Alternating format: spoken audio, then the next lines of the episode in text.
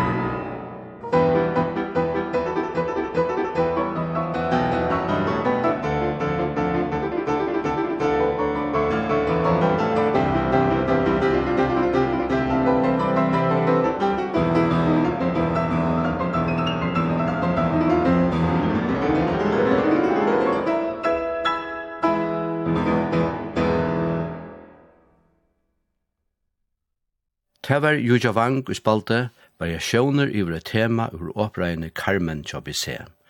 Klavervariasjonenar hei pianisteren Vladimir Horovic skriva. Sujan færa vid at høyra tånløg tja Johan Strauss. Det er tvær tånasmyr vi hese navne, feir og soner, og vi færa at høyra tånløg tja sonen, vanliga røptur Johan Strauss tan yngre. Han levde fra 1825 til 1895. Han var bæði føttur og døy og øysnu i estruiska høvestanen Wien. Han hevur verilig skriva nekvan tøvnløyk, og her i middelen er hun nekvar operetter.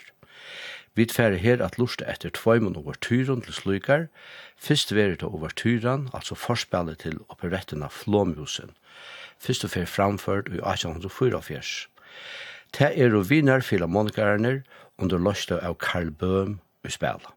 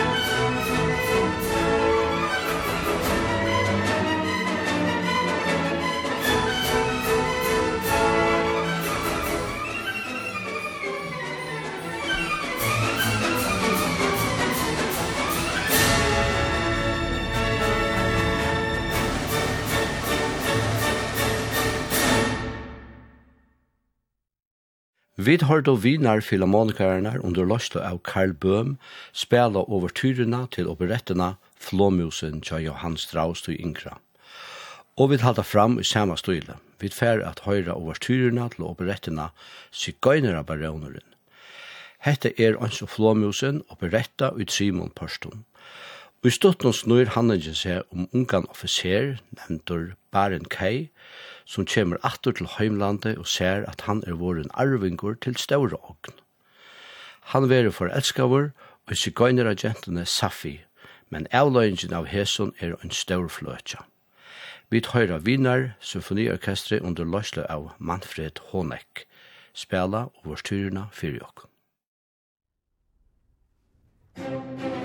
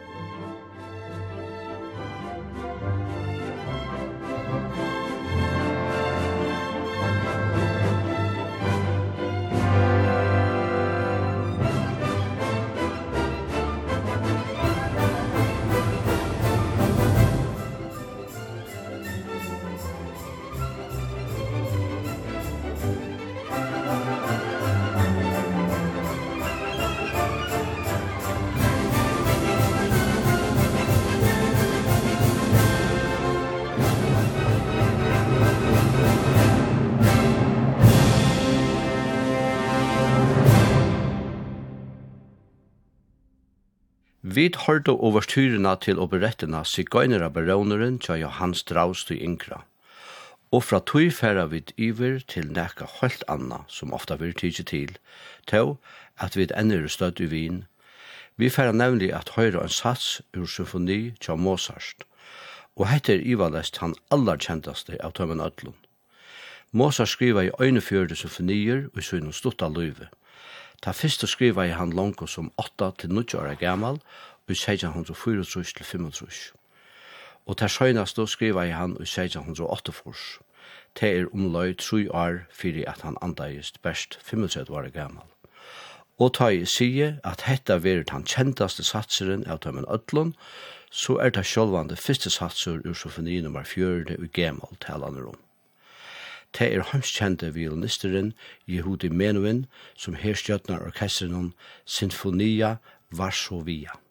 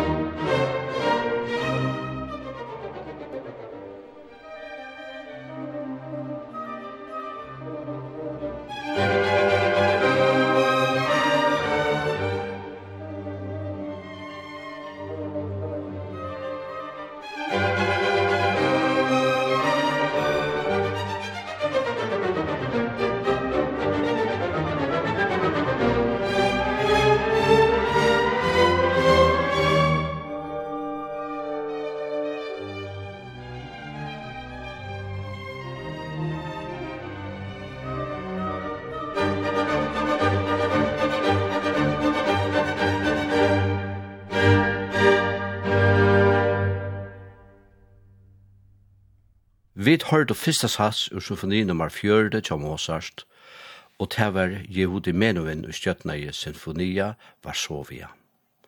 Vi byrja av sendingen i vi fransk om ta var da Georg Bissé. Nu færa vi at høyra en av vårt hyro skriva av fransmannen Hector Berlioz.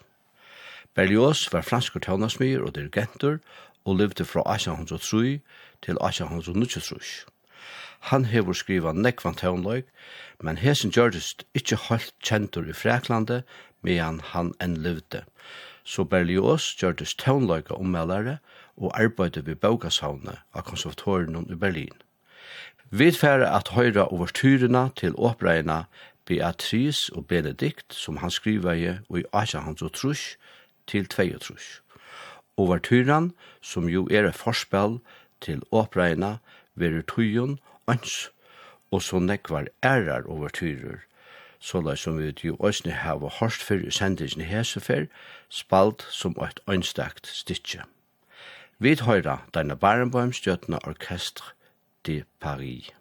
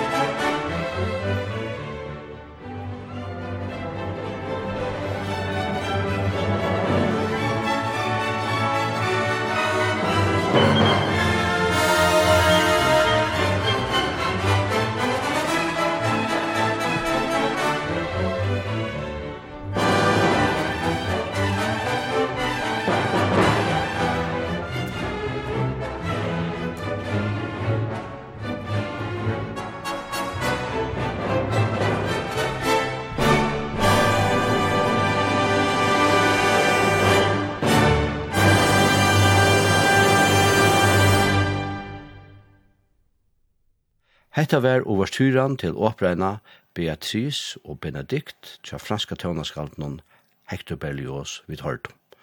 Sujan færa vid iver atter til Johan Strauss, han inkra, etla rattar sagt, vi færa at høyra eit arrangement av øynun av hans høyra kjentaste løvun, ein polka nevnt Tritsch Tratsch Polka, skriva i 1888.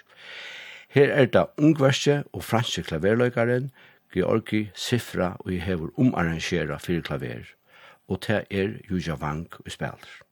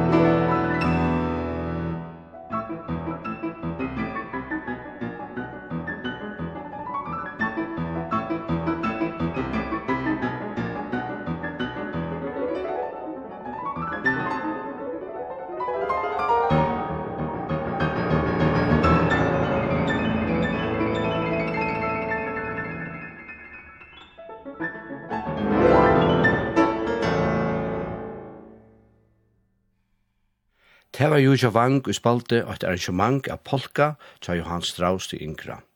Og vi talte fram ved hånden og fer at høyra valsen Frylingstimmen oppos 420. Og høyast vid eru i myskast og orsens tøy, ja, så lønja steian er nu allsamt, og vi gleder okkon til jausare tøyer. Frylingstimmen mestjer jo varøtter, og kanska onkestan i innast inne, høyrast høyast alt nekrar varøtter Her er det i god så er vinar symfonikarner under løsle av Manfred Honeck som spela leie fyrir